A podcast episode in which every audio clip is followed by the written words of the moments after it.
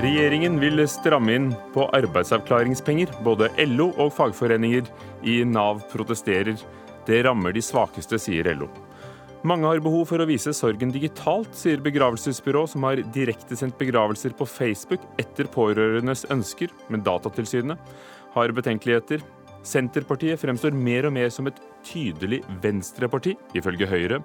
Men stemmer dette bare fordi de mener noe annet enn Høyre i enkelte saker? Og Donald Trump reverserer klimapolitikken i USA.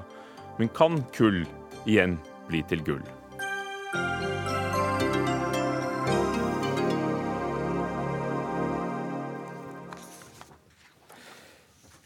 En ny lov som går gjennom statsrådet i morgen, vil få store konsekvenser for de mange titusener av nordmenn som går på arbeidsavklaringspenger, ofte forkortet AAP, og som vi har snakket om flere ganger i løpet av det siste året her i Dagsnytt 18.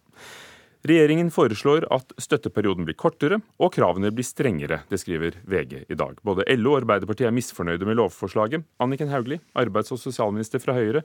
Dere har jobbet lenge med dette. 143 000 eh, mennesker går på arbeidsavklaringspenger i dag. Og hvorfor er det nødvendig å stille strengere krav til denne store gruppen, som jo allerede sliter økonomisk? Jo, det vi har sett er at den eh, ordningen, som helt sikkert hadde veldig gode intensjoner da den ble innført i 2010, den har vist seg å ikke være god nok. Det har også forskning eh, evaluert. Eh, det er altfor mange som kommer inn i ordningen, er der for lenge, ingen oppfølging i det hele tatt. Og, ikke, og ordningen har ikke fungert etter intensjonen. Så det vi nå sier, er at vi er nødt til å endre på ordningen. Eh, både ved å heve terskelen eh, inn i ordningen, men også sørge for at de som kommer inn i den, får en mye tettere oppfølging enn det de gjør i dag. Så Derfor kommer vi også til å stille strengere krav til Nav til at de skal følge opp raskere og tettere. Målet er jo at folk skal raskere avklares, enten til uføretrygd om man ikke kan eh, jobbe, eller til arbeid og aktivitet. Målet er at flest mulig skal kunne Eh, komme seg i jobb. Eh, og da er jo ikke løsningen at folk skal gå årevis på en passiv ytelse uten oppfølging, slik som vi har sett at de har gjort i dag. Simen Markussen, forsker ved Frisch-senteret. Eh, du jobber spesielt med arbeidsliv. Kan vi bare aller først få svar på hva er arbeidsavklaringspenger, og hvem, hvem får det? Ja, Det er jo en slags, en slags mellomstadie mellom sykepenger og uføretrygd. Eh, så at Flesteparten av de som mottar arbeidsavklaringspenger, de kommer fra arbeid og sykefravær. Men det er også en god del eh, av de som eh, går på arbeidsavklaringspenger, som ikke har vært i arbeid, men som på en måte kommer fra sosialhjelp, f.eks. Sånn at det, er en, det er en ytelse som på en måte favner ganske bredt. Og der målet er at man skal kvalifisere seg og komme ut, ut i arbeid. Eh, alternativt, hvis ikke det går, eh, så vil man da typisk ende opp med en uføretrygd. Mm. Trude Tindland, sekretær i LO. Hvorfor støtter ikke dere denne loven? For det viser seg altså at det er bare 20 eh, som kommer ut i arbeid etter dette. Eh, eh, vi syns jo at man starter i feil ende ved å kutte i ytelsene. For at problemet er jo at eh, arbeidsavklaringspengeordningen ikke blir fulgt opp slik som intensjonen var. Og vi mener jo at det ikke hjelper å kutte i ytelsene for det, og, og gjør veldig mye vanskeligere for de svakeste. Særlig i en situasjon hvor det ikke skapes nye jobber heller, så blir disse her skjøvet lenger ut på kanten. For det er ingen som blir friskere eller mer kompetent for arbeidslivet av å få det vanskeligere i hverdagen. Så det med å ha sterkere ressurser og oppfølging, det skulle man jo gjort uten å kutte i ytelsene. For nå er det jo faktisk sånn at eh, de eh, Saksbehandlerne på Nav de har faktisk mellom 150 og 300 brukere som de skal følge opp. Eh, og Da sier det seg sjøl at det hjelper ikke å kutte ytelsene. Man er nødt til å gi mer ressurser, man er nødt til å ha flere tiltak og følge opp bedre. Anniken Hauglie, hvordan altså noe av, noe av det du, du, vil gjøre, er jo at det skal være tydeligere sykdomskrav, står det, og, og følge opp mer fra Nav. Men hvordan vil det være mulig? Ja, Det vi sier er at, eh, at uh, vi tydeliggjør i loven at dette skal være en helserelatert ytelse. Uh, hvor det er medisinsk vurdering som skal ligge til grunn. Men, men, realiteten i den ordningen har jo vært at et, altså 145 000 mennesker, så arven etter Arbeiderpartiets ordning, som var en helt sikkert en veldig godt tenkt ordning, er jo at altfor mange har blitt gående i denne ordningen. Og vi kommer jo nå til, som jeg, som jeg sa i mitt uh, innledningsvis, at vi kommer nå til å sørge for at Nav skal følge opp tettere og oftere enn det de har gjort i dag. Og i det ligger det selvfølgelig også at Nav kommer til å få ressurser. Men så er det jo ressurser som kan man behandle i budsjettene, men det ligger jo selvfølgelig i det. Uh, og så er jeg, jeg, Det er jo bra at også LO engasjerer seg i dette. Sånn sett så håper jeg også at LO da engasjerer seg i, i, eh, i et forslag, som innebærer en enda strengere innstramming. Vi foreslår jo også å redusere ytelser fra fire til tre år. Arbeiderpartiet foreslår jo sitt program å redusere den til to år, med de alvorlige konsekvenser det kommer til å få for de som er eh, syke. Men det som er viktigste for oss, er at de som kommer inn i ordningen, skal få mye tettere oppfølging enn det de gjør i dag, slik at de avklares mye raskere. Det er ikke bra for noen at man går i årevis på en passiv ytelse uten nødvendig hjelp og oppfølging. Arbeiderpartiets forslag er uh, overhodet ikke sammenlignbart, for den uh, er kombinert da med en jobbgaranti, hvor Nav også da vil få plikt til å stille med jobb og tilpassa kompetanse og arbeidsevne i forhold til dem som deltar i ordningen. Så man kan ikke sammenligne kutt i ytelsene med å ha en jobbgaranti i tillegg. Men her er, her er det misnøye på begge sider, fordi LO og tillitsvalgte i Nav er misfornøyd, og, og tror ikke de klarer å følge opp på den måten eh, du lover at de skal kunne klare det. Men NHO vil jo ha bort hele ordningen for alle under 30 år. Ja, altså, eh, altså Arbeiderpartiets forslag nå i første omgang er at man skal eh, redusere ytelsen for de under 25. Jeg vet ikke hvorfor de har valgt 25 nå, men, men, målet for Arbeiderpartiet er at de skal eh, ha den for alle andre også, ned til eh, to år. Det er klart at Når vi sier at Nav skal følge opp tettere og oftere, så ligger det jo selvfølgelig også i det at Nav må få tilført eh, ressurser, og det kommer de også til å få. Og så er det jo ikke riktig det som Hello sier, at ikke det skapes jobber. Det skapes jo jobber, ledigheten går ned, det er etterspørsel i veldig mange bransjer. Men det som er viktigst med denne ordningen, ordningen, er at mennesker som i dag er til medisinsk behandling, eller som trenger arbeidstrening, må få det og følges opp tettere, slik at man unngår de lange passive stønadsløpene som vi har sett at har vært i den ordningen. Du sier tydeligere, uh, tydeligere på det at det skal handle om medisinsk sykdom. Men er ikke det tydelig i dagens lov også? Det skal jo være 50% arbeidsuførhet. Hvordan kan det bli tydeligere enn det? Altså, Vi ønsker å løfte det fram i loven, så det er noe én ting at vi ønsker å presisere det der. Men det har også vært uh, mulig å komme inn i ordningen på andre vilkår, på mer sosiale vilkår. Og det vi sier er at vi ønsker at det skal være en mer medisinsk uh, Altså tydeliggjøre det. Vi kommer også til å stramme inn noe på mobilitetskravet, altså at man må kunne jobbe også utenfor eget uh, hjemsted. Men det, vi gjør også noen utvidelser av Bl.a. Blant annet så vil vi gjøre det lettere for de som ønsker å prøve seg jobb, som er litt usikre på om de vil klare det de skal kunne gå på arbeidsavklaringspenger lenger. Og vi åpner også opp for at du kan kunne motta arbeidsavklaringspenger lenger når man søker eh, jobb, fordi noen trenger lengre tid etter det er avklart. Trude Tindlund i LO. Er det ikke et eh, problem at denne ordningen har vært lukrativ, mer lukrativ enn andre ordninger, og derfor har mange blitt værende på denne ordningen, selv om de kanskje ikke hører hjemme der? Jeg vil ikke si at eh, ordningen har vært lukrativ. Du, det, du har fått mer penger ved å være der enn å få dagpenger eller andre typer støtte. Ja, men etter mitt syn så, så, handler det om eh, tettere oppfølging. Det handler om mer ressurser. Det handler om å sette de, no, dem som er utenfor, høyere opp på prioriteringslista. Eh, og, og, vi har vært på dette veldig lenge, hvor vi har eh, ønska at det skal være styrka ressurser eh, i forhold til oppfølging. Nå hører jeg at, at, ministeren sier at Nav kommer til å få midler, men samtidig så sier hun at det er en budsjettsak. Så om det kommer mer midler til, og ressurser, det vet vi jo da ikke. Eh, og samtidig så Vi har også sagt at det må være flere og bedre arbeidsmarkedstiltak for denne gruppa her. For det er mange årsaker til at man har havna på arbeidsavklaringspenger. Eh, og mange av de som går der, mangler fullført videregående opplæring f.eks. Man har psykiske problemer osv. Men er det da sikkert at det er i den ordningen de skal være?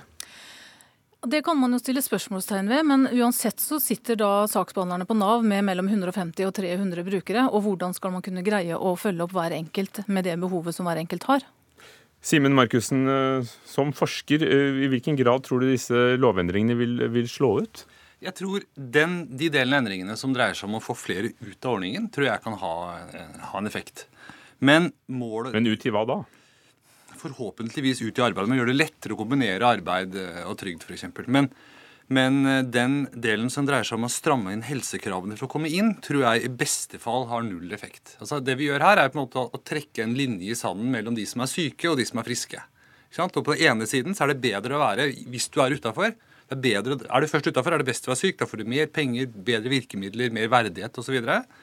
Problemet er at den helsegrensen, altså det å liksom sette en grense for hvor syk, hvor frisk, er nesten helt umulig i praksis. Klin umulig.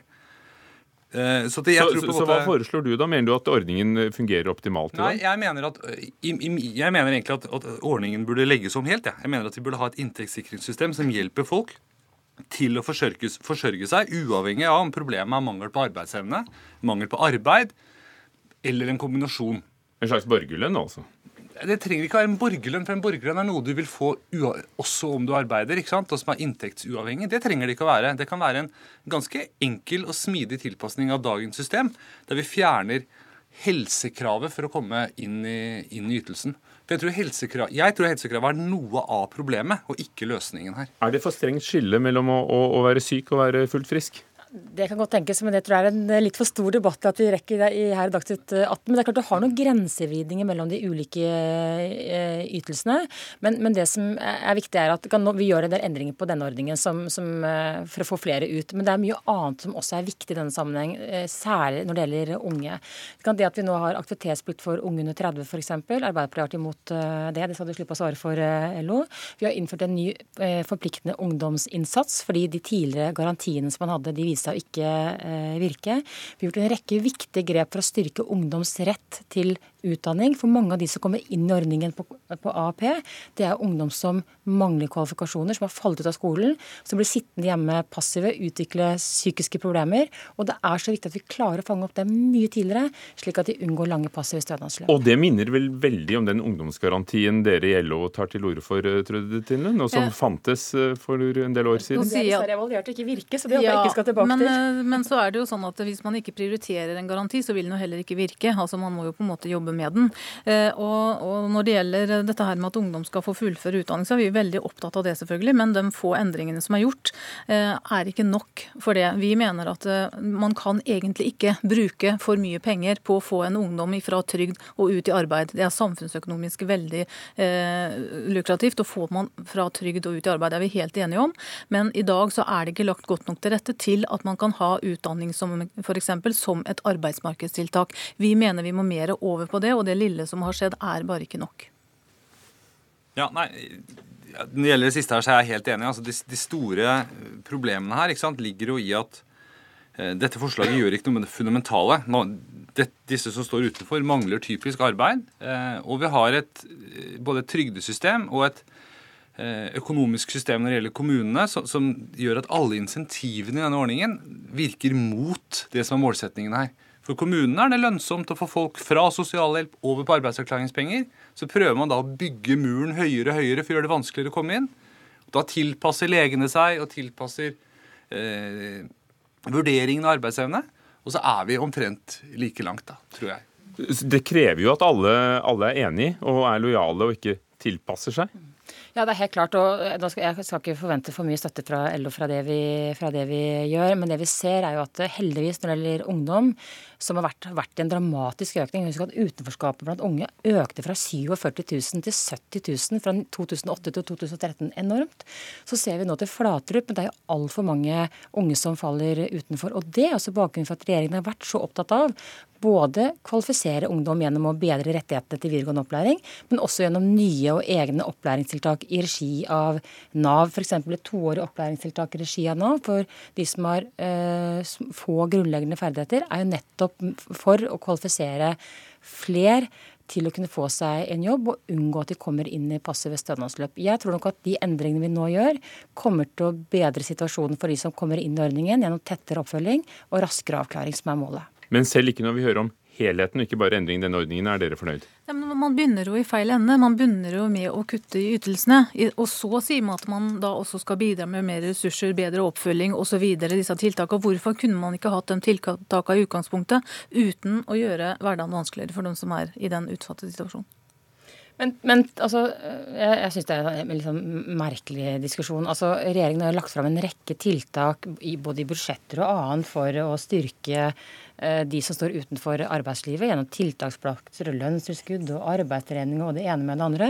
Og jeg håper nå virkelig at når LO er kritisk til det vi gjør nå, så håper jeg virkelig at vi har LO med oss på å få stanset Arbeiderpartiets forslag, som er å gå mye, mye lenger, nemlig å kutte stønaden for unge etter spurte vi jo Arbeiderpartiet om å være her i dag, men de hadde ikke anledning til. Hver Nav-ansatt har altså rundt 200-300 mennesker de, de, hjelper i dag. Og, og, og, du sier at de skal få ressurser til denne økte oppfølgingen. Når vil det merkes? Altså, det er jo mye vi gjør nå for å, det er mye vi gjør nå for å ikke akkurat, om ikke akkurat reformere Nav, men i hvert fall eh, gjøre Nav eh, bedre og mer arbeidsrettet. Det er ikke så lenge siden jeg var her og diskuterte stortingsmelding. Ja, Det var ikke alle som var helt enig i den om, karakteristikken? Nei, men, men da, vi, da, vi, la fram Nav-meldingen, så fikk vi, jo, eh, fikk vi jo, det fikk jo veldig god mottakelse fra de ansatte i Nav Nav og, og Men det er der der de vil merke at ja, de vil få anledning ja, til å mye, Det er mye vi nå gjør med Nav, bl.a. gjennom økt digitalisering, det er nå én ting, men også gjennom avbyråkratisering, forenklinger av prosesser. Målet vårt er nå er jo å gjøre Nav enklere både for brukerne av Nav, men ikke minst også ansatte for å frigjøre ressurser. Også eh, når det gjelder sånn, budsjettiltakene, så kommer vi tilbake Det er ikke så lenge til vi kommer med budsjettet, da, tross alt. Eh, og da kommer vi tilbake igjen til dette. Men det er åpenbart at når vi nå sier, forplikter oss til at Nav skal følge tettere opp og være tidligere på, altså ligger det selvfølgelig også i det at man ønsker å legge også ressurser inn i dette. Siste spørsmål. Vil innstrammingen gjelde for dem som går på arbeidsavklaringspenger i dag, eller bare for dem som skal inn på tiltak? Det blir nye vedtak. De som kommer inn. Takk skal dere ha, alle sammen. Loven går i hvert fall gjennom i statsråd i morgen. Anniken Hauglie, arbeids- og sosialminister, Trude Tinnlund fra LO og Simen Markussen fra Frischsenteret. Dagsnytt 18 alle hverdager kl 18.00 på NRK P2 og NRK2.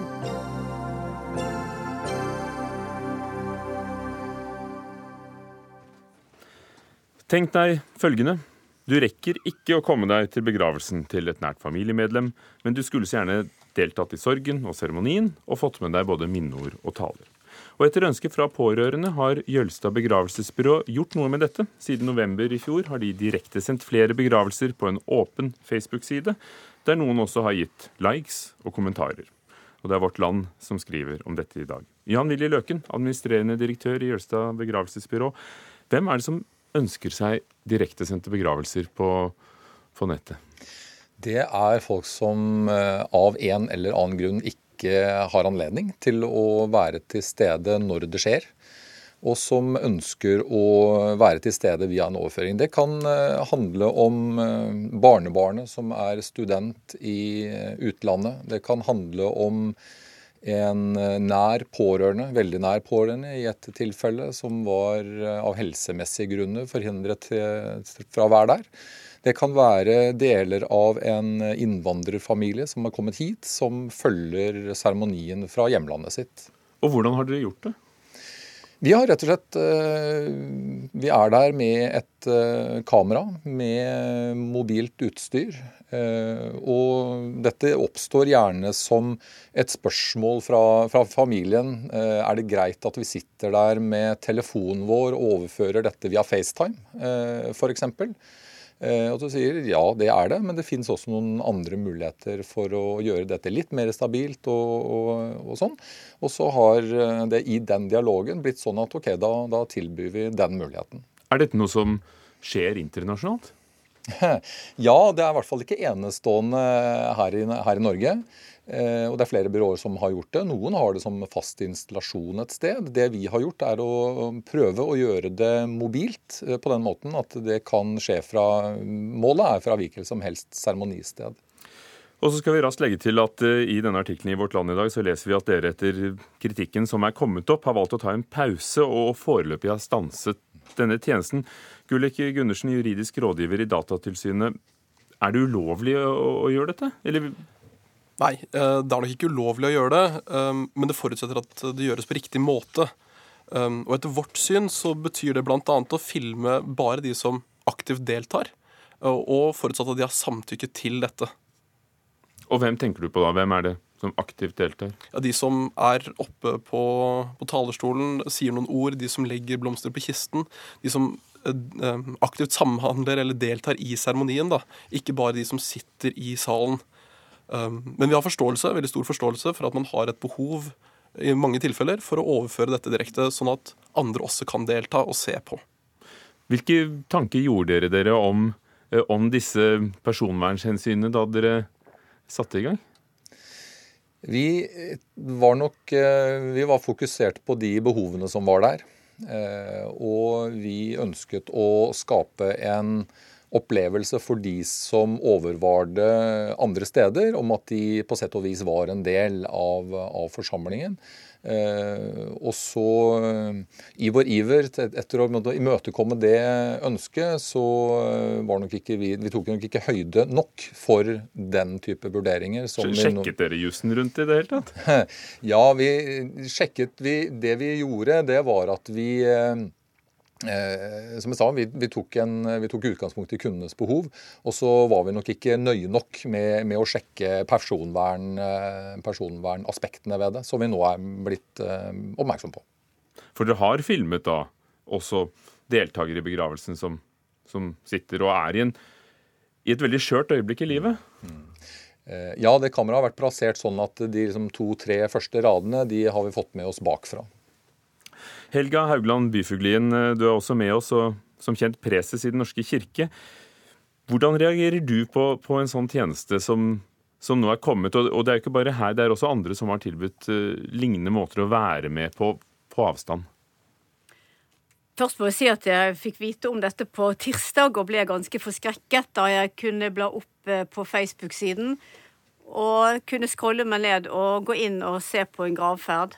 For det er jo det man gjør når man, man ser på den måten. Eh, det at det, det, har blitt lagt ut på Facebook, med muligheten også, som det har vært gjort eh, ifølge Vårt Land, med kommentarer til, er jo ganske uhyrlig, egentlig. Når det, når det gjelder eh, selve det å overføre en gravferd, så er jo det noe ganske annet enn å se det på overføring er jo noe annet enn å være til stede. Det som skjer når man eh, deltar, som man gjør ved en kirkelig handling som gravferden er, er jo at man både involverer seg, man er der for å støtte de pårørende, og de som er til stede, har jo nære relasjoner enten til avdøde eller til pårørende. Så når jeg hørte om dette, så var det en informasjon som jeg reagerte ganske kraftig på. Eh, derfor er jeg tilfreds ved at man eh, nå iallfall har eh, tatt en pause med dette, last ned siden, og ikke vil la det være tilgjengelig på denne måten. Begravelser er jo en offentlig handling. Hvorfor er det da uhyrlig at det går an å, å følge med og, og, og, si sitt? Fordi eh, det er jo en mulighet vi ikke hadde. Ja, det er særlig dette med og muligheten til å kommentere som jeg bruker uhyrlig i forhold til. Det er helt klart at eh, det som foregår i kirkene våre, er åpne seremonier, det er offentlige handlinger. Samtidig så tror jeg alle medier at en gravferd er i tillegg både personlig og privat i karakter. Og det som skjer der, det som sies, det som uttrykkes både gjennom ord og det som folk har av reaksjoner, er svært sårbart, svært personlig.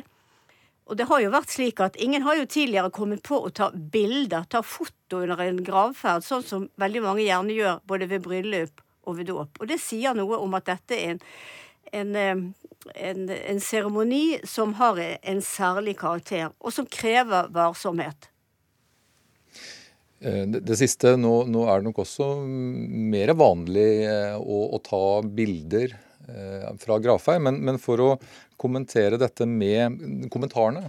Eh, og der, der, er det flere erfaringer vi har gjort. For det første med disse fire seremoniene som har ligget ute, eh, og som vi har overført. Der er det veldig få, eh, til sammen fire, kommentarer, og de er entydig positive. Og den, den ene kommentaren som fra, som var fra et barnebarn, som takker bestefar for minnet, og takk Jølstad begravelse står det også da for at dere gjorde slik at jeg kunne delta på minnestunden. Mm. Og, og, det å ha denne type kommentarer, det har vi også en, del, en god del nå eh, erfaring på i tilknytning til disse minnesidene som vi og mange andre byråer har etter hvert.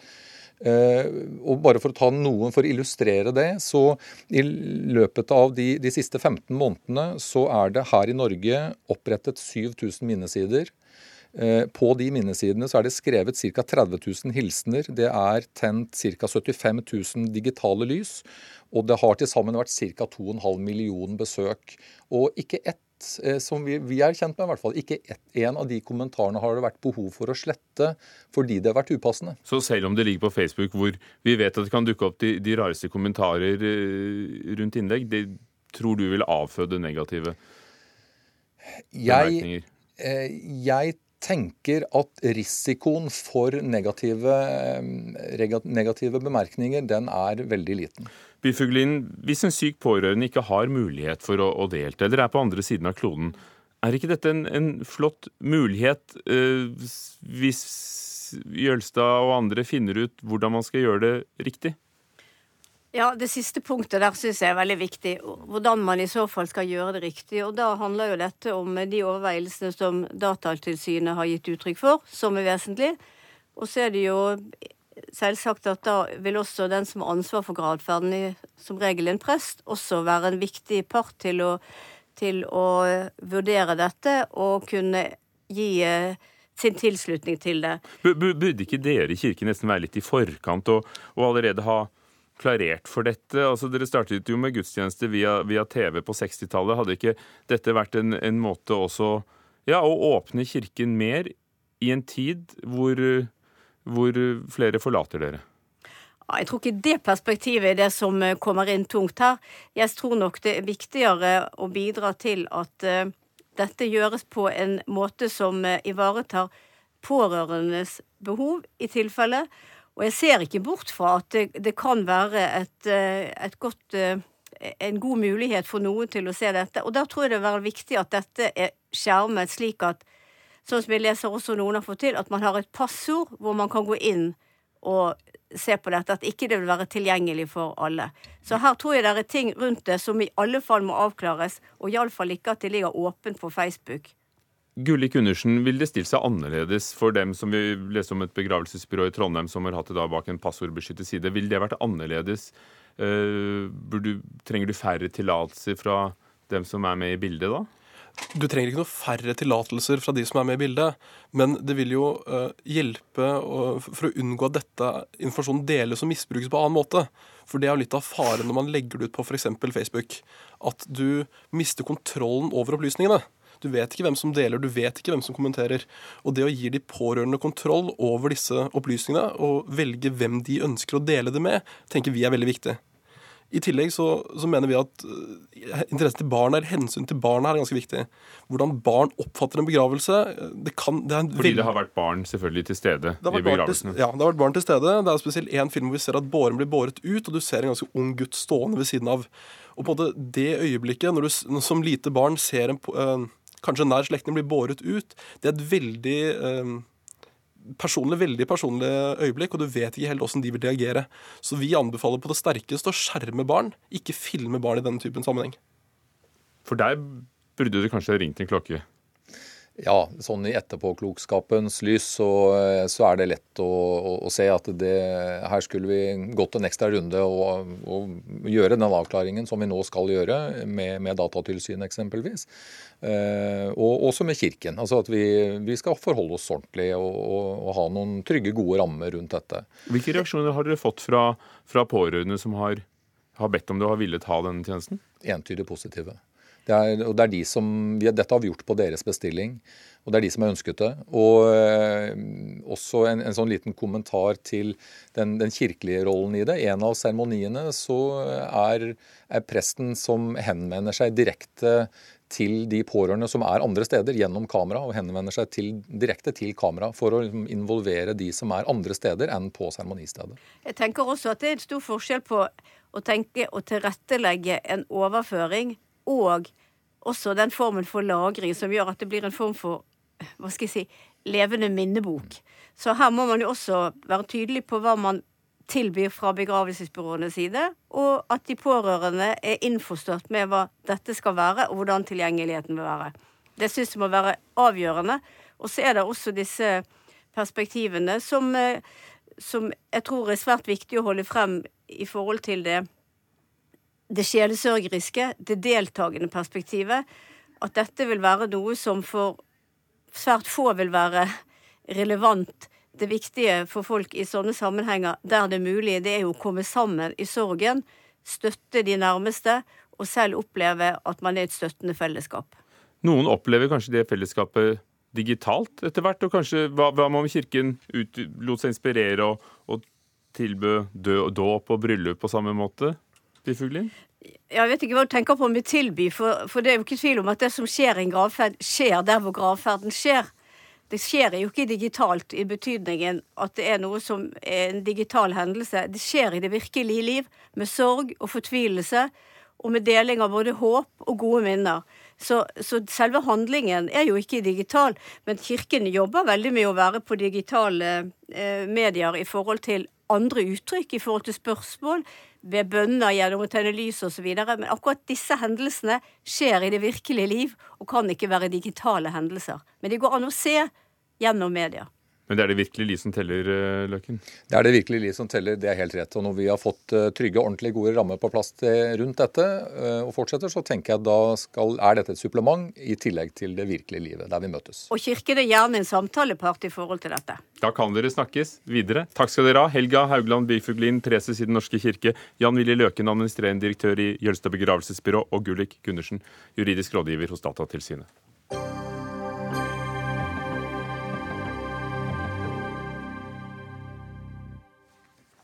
Vi skal ta fatt på et gammelt politisk stridsspørsmål, nemlig abortloven. Menneskeverd er den viktigste saken for Kristelig Folkeparti, sier Kristelig Folkepartis ungdomsleder Ida Lindtveit til NRK i dag. Og Derfor mener hun at en regjering som ønsker Kristelig Folkepartis støtte eller samarbeid etter valget til høsten, må være forberedt på å endre abortloven. Ida Lindtveit leder altså KrFU. Hvorfor er det nødvendig å forandre dagens abortlov? Vi har en kjempeteknologisk utvikling. og Det gjør at man får stadig mer informasjon, og det er flere typer inngrep som blir mulig. Og Det som bekymrer meg, er at man da ikke setter noen grenser som eh, kan føre til at man havner i et sorteringssamfunn, der man aktivt leter etter annerledes type egenskaper eller sykdommer som man fint kan leve med, men som i seg selv blir et grunnlag for eh, å kunne ta abort veldig sent i svangerskapet. Heidi Nordby Lunde fra Høyre på Stortinget. Ville dere gått med på en sånn betingelse fra Kristelig Folkeparti hvis dere skulle regjert med støtte fra KrF? Ja, ja, I utgangspunktet ikke, men eh, nå er det ikke jeg som skal sitte i regjeringsforhandlinger, heldig, heldigvis. Men nå synes jeg jo Ida Du er opptatt av abortloven? Det, det er jeg. Og, og, Høyre står på dagens abortlov. Og jeg har vansker for å se for meg hvilke partier KrF da eventuelt skal samarbeide med etter høstens valg, dersom dette er kravet. Fordi eh, dette her står jo KrF veldig alene om. Du nevner to ting som uh, dere mener bør forandres. Og, og, For å ta det første, det er det såkalt fosterreduksjon, eller også kalt tvillingabort, hvor en kvinne aborterer bort ett av to tvillingfostre. Uh, I fjor ble det gjennomført uh, syv slike inngrep, av, stort sett av medisinske årsaker. Hvorfor er dette noe dere ønsker omkamp om? Nå har man jo hatt en juridisk vurdering som sier at dette går inn under abortloven, og man kan da abortere bort friske eh, fosteret. Eh, og det kan også føre til skade på det gjenværende fosteret. Eh, og det vil også kunne føre til at man tar flere sånne type aborter. Og vi mener ikke det er riktig at man skal kunne vente tvillinger, men eh, da velge å si at nei, man ønsker kun det ene. Eh, så Derfor så ønsker vi å eh, reversere det som nå har blitt vedtatt etter en juridisk vurdering. Og også at man har en ordentlig politisk og etisk vurdering. Og, og hva, Hvordan skulle det ende opp, syns du? Er det da bare medisinske årsaker som skal gjelde? Ja. Heidi Nordby Lunde, dere har gått gjennom dette og, og landet på at det skal være som i dag? Det har jo både vært en juridisk vurdering av dagens abortlov, om det åpner for det, hvilket man landet på at det gjorde. Men det har også vært en etisk vurdering og har vært fagråd der hvor du har både hatt Legeforeningens eh, etiske råd og også Senter for medisinsk etikk som har gitt råd inn til eh, den faglige juridiske vurderingen. Og jeg tenker at det er, det er veldig mange grunner til at en kvinne velger svangerskapsavbrudd. Og når hun eh, er gravid med tvillinger, så har man jo i utgangspunktet ønsket seg dette barnet. eller disse disse barna. Og Når man da velger allikevel å, å foreta en fosterreduksjon, så tenker jeg at det er ikke med et lett hjerte, og jeg vil ikke legge mer sten til den, den byrden. Um, det er som regel da medisinske årsaker til at uh, mor velger uh, dette. Og det kan være egen helse, men det kan også være muligheten til det andre eller de andre fostrene å leve fram.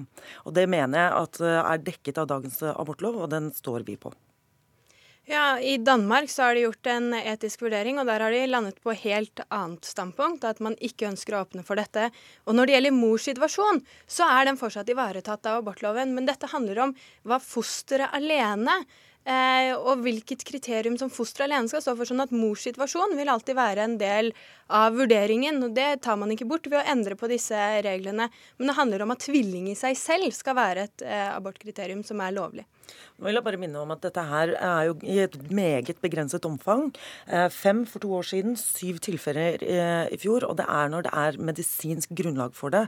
Dette her kommer det ikke til å være åpne for mer tilfeller som Så på en eller annen måte må det være et medisinsk grunnlag, sier du? Eh, I dag så er det ikke det. fordi det, vi, vi, har jo eh, fri abort, selvbestemt abort opp til tolvte eh, uke. Hvilket betyr at man har lov til å ta abort uavhengig om fosteret er friskt eller, eller ikke fram til tolvte uke. Og at dagens abortlov faktisk da åpner for at man kan ha en fosterinduksjon innenfor disse rammene. Men det helsemyndigheten, eller det eh, helsevesenet sier om dette, er at det er ganske vanskelig inngrep, og at det kan også få risiko for det gjenværende barnet. Og de ønsker jo da at man eventuelt skal utvide det. Og da blir tvillinggraviditet i seg selv et kriterium for abort. Og der har Danmark og Norge endt på forskjellige lovgivninger. Det andre punktet er en gjennomgang av, av det som heter paragraf 2c, som tillater abort etter tolvte svangerskapsuke når det er alvor, alvorlig sykdom som barnet kan bli født med. Mener dere ikke at disse hensynene er godt nok ivaretatt i dag? Fordi i dag så skal det jo da være en medisinsk nemnd som tar stilling til dette, som er regionalt. Det er jo ikke sånn at det er fritt frem. Det er jo et apparat av fagfolk som tar stilling til dette. Ja, og det den 2C sier, det er bl.a. alvorlig sykdom, arvelige anlegg, eh, skadelige påvirkninger. Men den sier også sykdom i seg selv. Altså ikke bare alvorlig sykdom, men sykdom i seg selv. Og hvilke sykdommer er det som skal falle inn under dette begrepet? Vi ser Downs syndrom. Eh, kan man med teknologisk utvikling hvor man kan finne ut ting tidligere, eh, skal hareskår være en sånn type vurdering som man kan utvide til? Mangel på en arm, skal det, kan det gå inn under? Eh, og med den utviklingen vi har i dag, både teknologisk, skal man finne ut mer tidligere. Eh, og det er også, ser vi når det gjelder tvillingabort, at det gjøres juridiske vurderinger og ikke etiske vurderinger rundt dette. Derfor mener vi at dette må diskuteres. Hva skal ligge under sykdom? Og så Eh, og du vil ha det inn i loven? Vurdering. Abortloven er jo fra 1976, Heidi Nordby Lunde, og, og, det har skjedd veldig store endringer i hva eh, diagnostikken kan finne ut av. Er vi på vei med en gammel lov mot et sorteringssamfunn? Nei, det mener jeg ikke er riktig. Og som sagt, jeg avviste jo det at det kun var en juridisk eh, vurdering. Vi har også hatt en etisk vurdering rundt det med fosterreduksjon. Og når det gjelder da eh, det medisinske grunnlaget for abortlovens paragraf 2c, så er det jo en medisinsk oppgave å begrunne hva som er en alvorlig sykdom, ikke en politisk oppgave. Og uansett hvor mye teknologisk fremskritt ja, er det, er det det? Er ikke det kanskje nettopp et, et kart som bør tegnes av politikere? Men vi har jo ikke eh, fagmedisinsk kompetanse til å tegne det kartet. Da må vi høre på, på, fagråd uansett. Og her sitter det, som du selv var inne på, en nemnd med den kompetansen for å avgjøre dette. Jeg ønsker ikke at politikere skal sitte i den nemnden. Jeg tror når kvinner er i den situasjonen i over tolvte uke, så er det nok en gang et ønsket barn. Og hvis man da velger å gå til det skrittet og foreta et svangerskapsavbrudd, så er det gjerne svært gode grunner til det. Og, og vi snakker jo da om barn som risikerer å bli født Eh, med fare for å dø etter få dager, få uker. Er det riktig å, å, la lovteksten avgjøre sånne spørsmål? Altså, det ligger jo under alvorlig sykdom, og det er ikke det vi har tatt opp. Vi har tatt opp dette som går på sykdom, altså andre typer sykdommer som du faktisk kan, eller egenskaper som du kan leve med et godt liv, som f.eks. Downs syndrom eller andre ting som jeg dro opp her tidligere. Og det er der jeg mener at vi må ha en presisering på hvor langt går egentlig sykdom? Er det også lettere ting? Eh, går vi mot et sorteringssamfunn hvis vi ikke sier noe om hva sykdomsbegrepet skal innebære. Fordi nå gir vi et signal om at hvis du er et friskfoster, så er det, da er det én grense. Hvis barnet har Downs syndrom, så er det et kriterium i seg selv for å kunne ta abort sent i svangerskapet. Her mener vi at eh, det ikke i seg selv skal være et eh, kriterium. Men så var Heidi Nordby Lunde inne på i stad at dersom det er noe rundt mors situasjon, ja da er det fanget opp i andre deler av lovverket.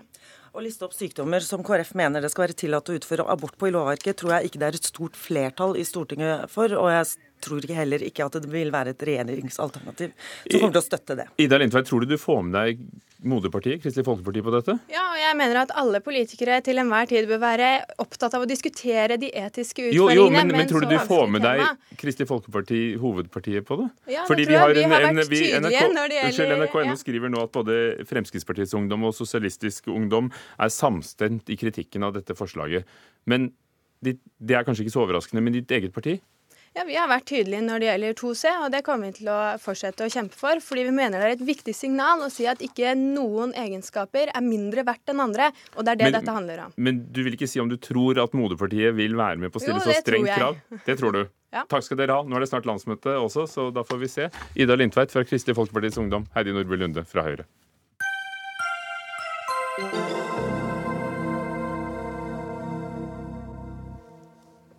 Senterpartiet er det en del snakk om om dagen. Og hvor går de?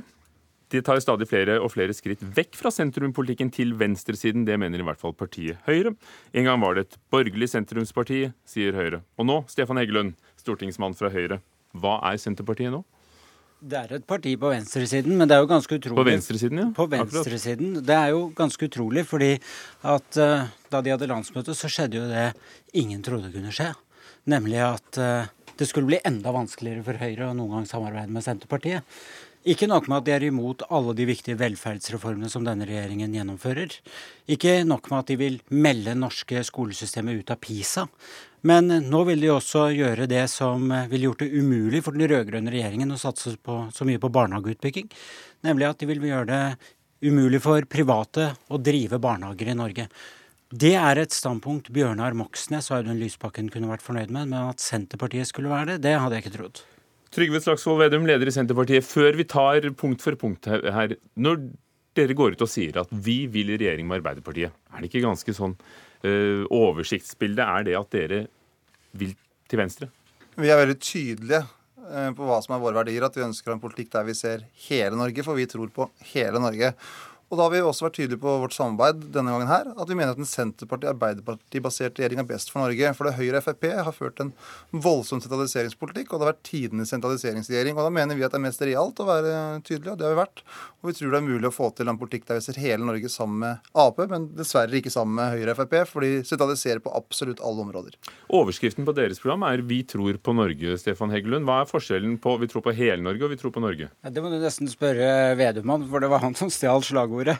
Men eh, poenget er at eh, jeg syns ikke han kan eh, slippe så lett unna med de konkrete vedtakene de gjorde på landsmøtet sitt. Eh, fordi at det er nå et faktum at hvis Senterpartiet får viljen sin, så vil det altså ikke være mulig for private å drive barnehager i Norge. Og da må Stopp deg, la oss ta det, da. Er, er, det sånn, er det sånn, for å ta det punktet, har dere vedtatt ved at ikke støtte til barnehager skal kunne ende opp som profitt eller eh, overskudd, da? Ja, men Først må jeg ta en litt på slagordet. Det, det, går veldig fort.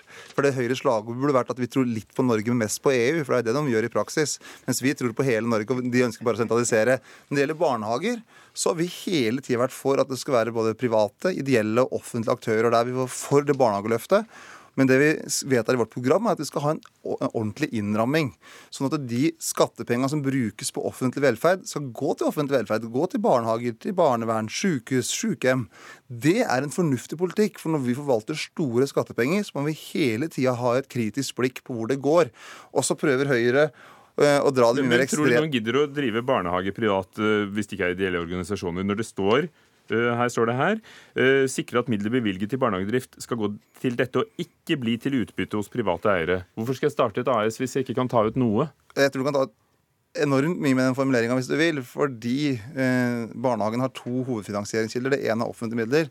Det andre er foreldrebetaling. Der er det 3000 kroner per barn per måned. Så her er det et stort rom. Så det vi ønsker, er å ha en innramming, en bevissthet for at det er flere og flere store kommersielle aktører som kommer inn på barnehagesektoren, på barnevernssektoren. Da må vi tenke hvordan skal vi sørge for at offentlige penger går til offentlig velferd. Ble du betrygget nå, Heggelund? Nei, absolutt ikke. Det er jo bare å prøve å spørre noen som driver private barnehager, hvilke konsekvenser en sånn formulering har.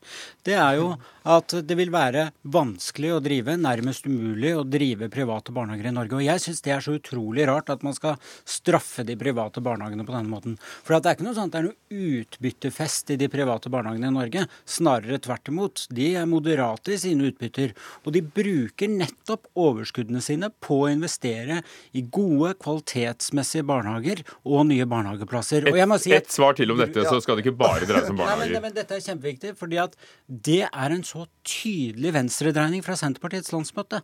Og de godtok dette selv da de satt i regjering, at private skulle kunne være med å bygge ut barnehageplasser i Norge. Det gjorde de antageligvis med et resonnement som gikk omtrent som følger.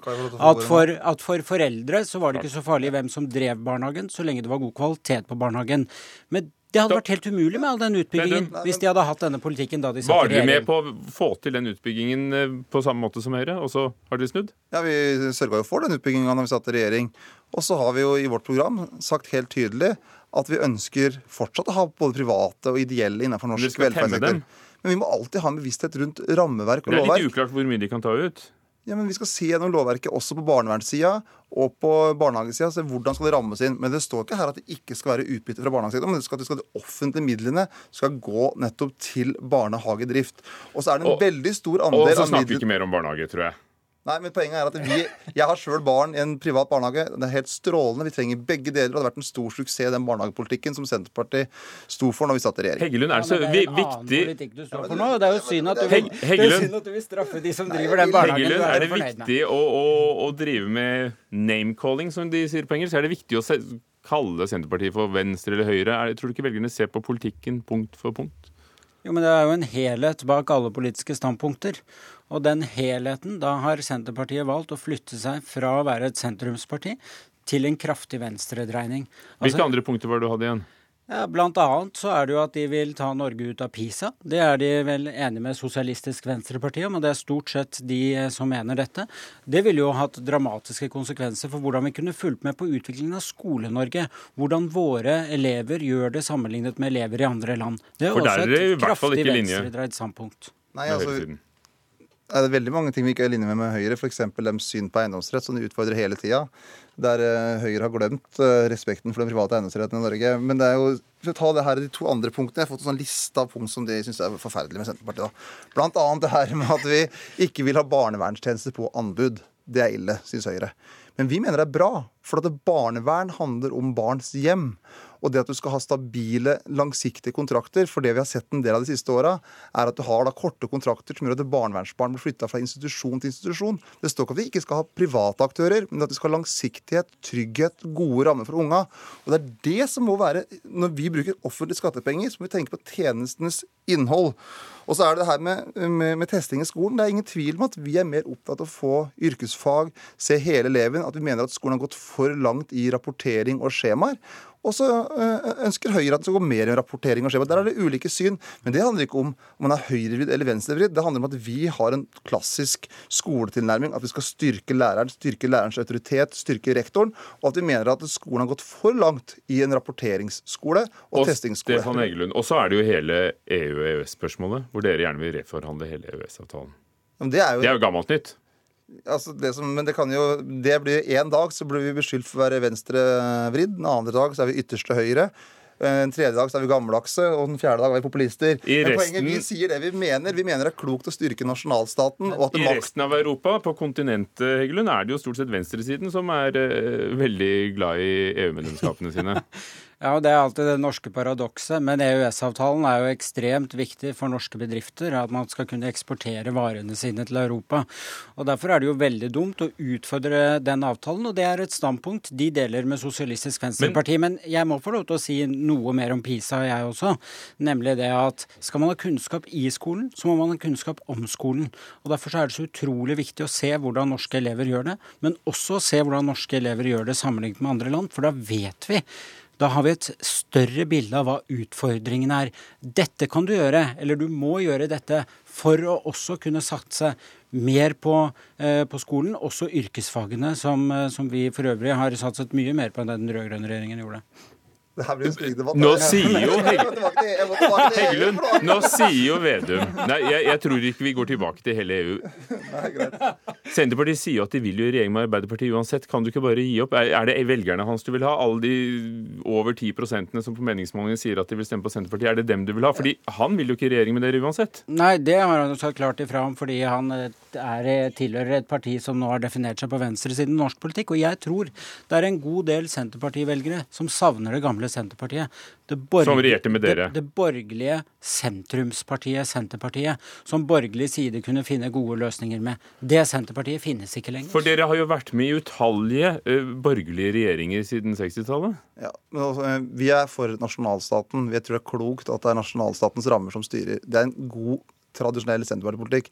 Vi er for et sterkt heimevern, et sterkt forsvar i hele landet. Det er god tradisjonell Senterpartipolitikk. Vi er for at vi skal bruke hele Norge og se hele Norge. Hvorfor har du valgt venstresiden før altså, vi, valget? Vi har valgt politikkens innhold, vi har ikke valgt noen venstreside. Vi sier det vi mener. Og vi er så uenig i den sentraliseringspolitikken som regjeringen nå legger opp til. Vi er så uenig i at man legger opp til å selge ut store deler av norske naturressurser, norske statsselskap. Det er historieløst. Det er klokt å ha en politikk der vi fordeler godt, og vi ser hele landet vårt, ikke bare deler. Og at dere må tro litt mindre på EU og litt mer på Norge. Er det et venstre- eller høyreparti? Et sentrumsparti. Et godt senterparti. Så jeg håper vi får mange stemmer. Takk skal dere ha, begge to. Trygve Slagsvold Vedum, leder i Senterpartiet, Stefan Heggelund fra Høyre. Hør Dagsnytt 18 når du vil. Radio NRK Radio.nrk.no.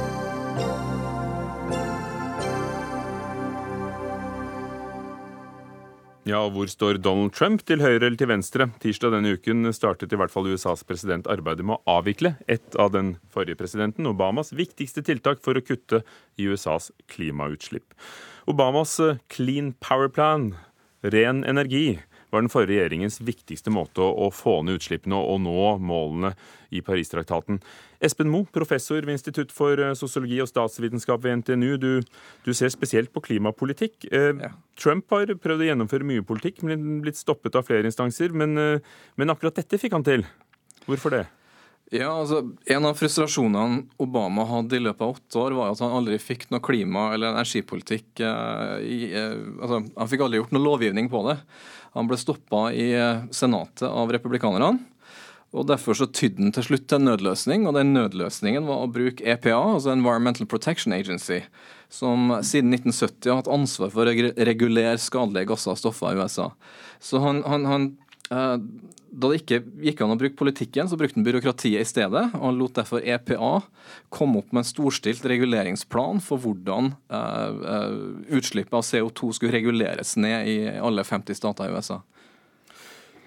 Trump har kalt Obamas plan for en krig mot kull, og sagt at planen med, med, å gjøre dette opphever Obamas politikk, eh, men at det er for å skape arbeidsplasser. Vil vi se noen nye arbeidsplasser, eller først og fremst vil de tidligere gruvearbeiderne se dem?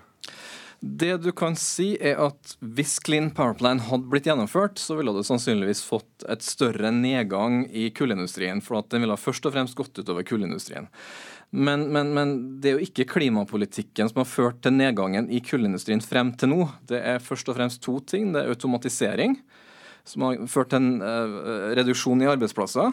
Og så er det det at uh, skiferolje og skifergass, som USA har uh, nærmest uh, dobla produksjonen på i, i løpet av de siste årene, eller mye mer enn dobla produksjon. Eh, det har ført til at, eh, at, at, kull har blitt mindre konkurransedyktig. Så det er faktisk olje og gass som har utkonkurrert kull og ikke fornybar, ikke fornybar energi. Kjetil Bragli Alstaheim, politisk redaktør i Dagens Næringsliv. Vil jo Trump i hvert fall kunne oppfylle løftet sitt om å få fart på industrien igjen i rustbeltet? Så. Det er jo altså. veldig tvilsomt øh, om han øh, får noe mer fart i, når det gjelder kulljobber med, med det å reversere denne planen. Uh, han uh, Han påstår det, da. Ja. Det, det, men det er som Espen Moe har vært, inn, vært, innom her, den konkursbølgen man har sett i, i kullindustrien i USA, handler om, om andre ting enn en Obamas reguleringer. Og så er det ikke sånn at uh, Trump bare kan sette en strek over den planen fra Obama og så være ferdig med det. For her ligger det en forpliktelse fra Eh, fra tidligere avgjørelser, en avgjørelse i Høyesterett i 2007 eh, om at eh, dersom EPA konkluderer med at klimagassutslipp er skadelig, så har de en plikt til å regulere det. Eh, og de konkluderte i 2009 med at klimagassutslipp er skadelig. Sånn at det ligger et juridisk grunnlag der eh, som pålegger administrasjonen å regulere utslipp. Men nå har jo de fått en sjef som er eh, en tydelig motstander av, eh, av det denne agencyen driver med, og, og, til og med har de fått kutt på rundt 35% Det kan jo hende at de ikke klarer å iverksette dette? da? Nei, men da vil det komme miljøgrupper og andre, og delstater ikke minst, som vil ta administrasjonen til retten og, si at, og kreve at de, at de gjør mer. Så det, her vil han møte noen av de samme problemene han har, har støtt på i andre saker. Han eh, har jo møtt problemer i retten med, med dette eller innreiseforbudet sitt. Eh, og han eh, prøvde å få gjort noe med Obamacare i Kongressen og, og støtte på problemer der. Og, og, jeg tror han vil oppleve noe av det samme her. Espen Moe, hva blir utslippseffektene av, av det han har gjort nå de siste dagene? ja, det, det, var ikke noe enkelt spørsmål. Um, fordi kraftsektoren og, spesielt kullkraftverk er da skyld i 30% av landets totale utslipp. Uh, betyr det at de ikke vil nå målene? At de gamle, store kullkraftverkene vil spy ut røyk uh, i enda flere år? Det er på en måte et positivt svar og et negativt svar. Så, så det negative svaret er jo at det her vil forbedre konkurransedyktigheten til kullindustrien.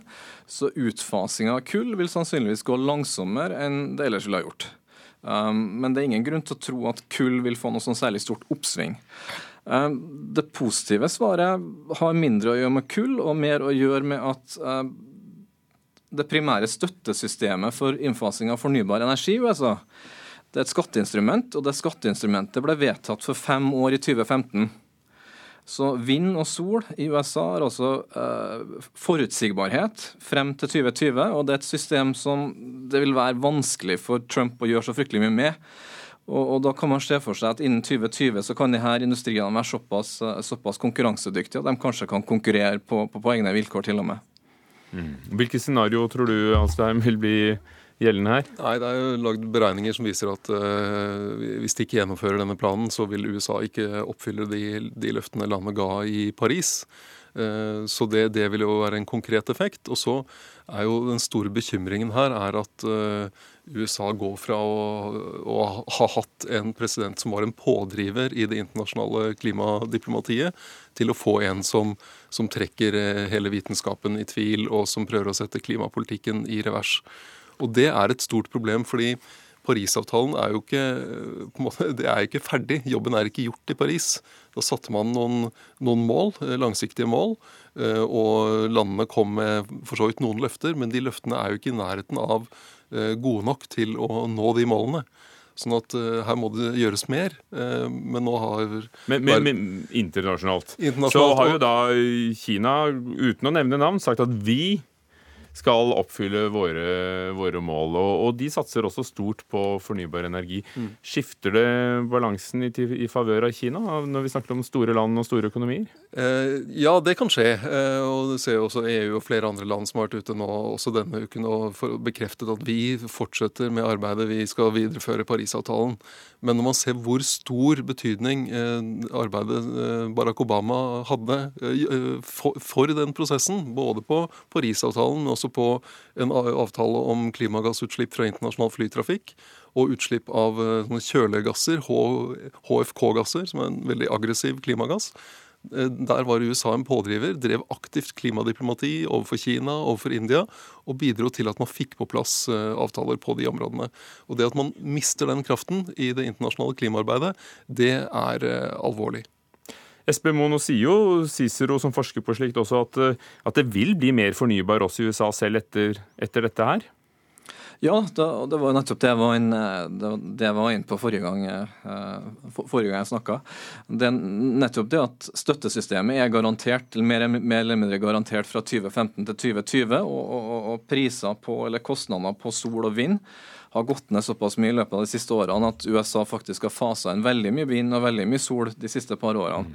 Og, og det er også sånn at Vindstatene i USA, det er altså de flate, folketomme statene i midten som stort sett er styrt av republikanerne. Så det ligger jo faktisk en republikansk egeninteresse også i, i det å fremme uh, frem vind i, i, USA. Takk skal dere ha. For uh, vinden blåser også av banen. Uh, Kjetil Bragli Asheim fra Dagens Næringsliv og Espen Moe ved NTNU. Ida Tune Øresland var ansvarlig for sendingen. eller Kirkebø teknisk ansvarlig. Ugo Fermariello programleder.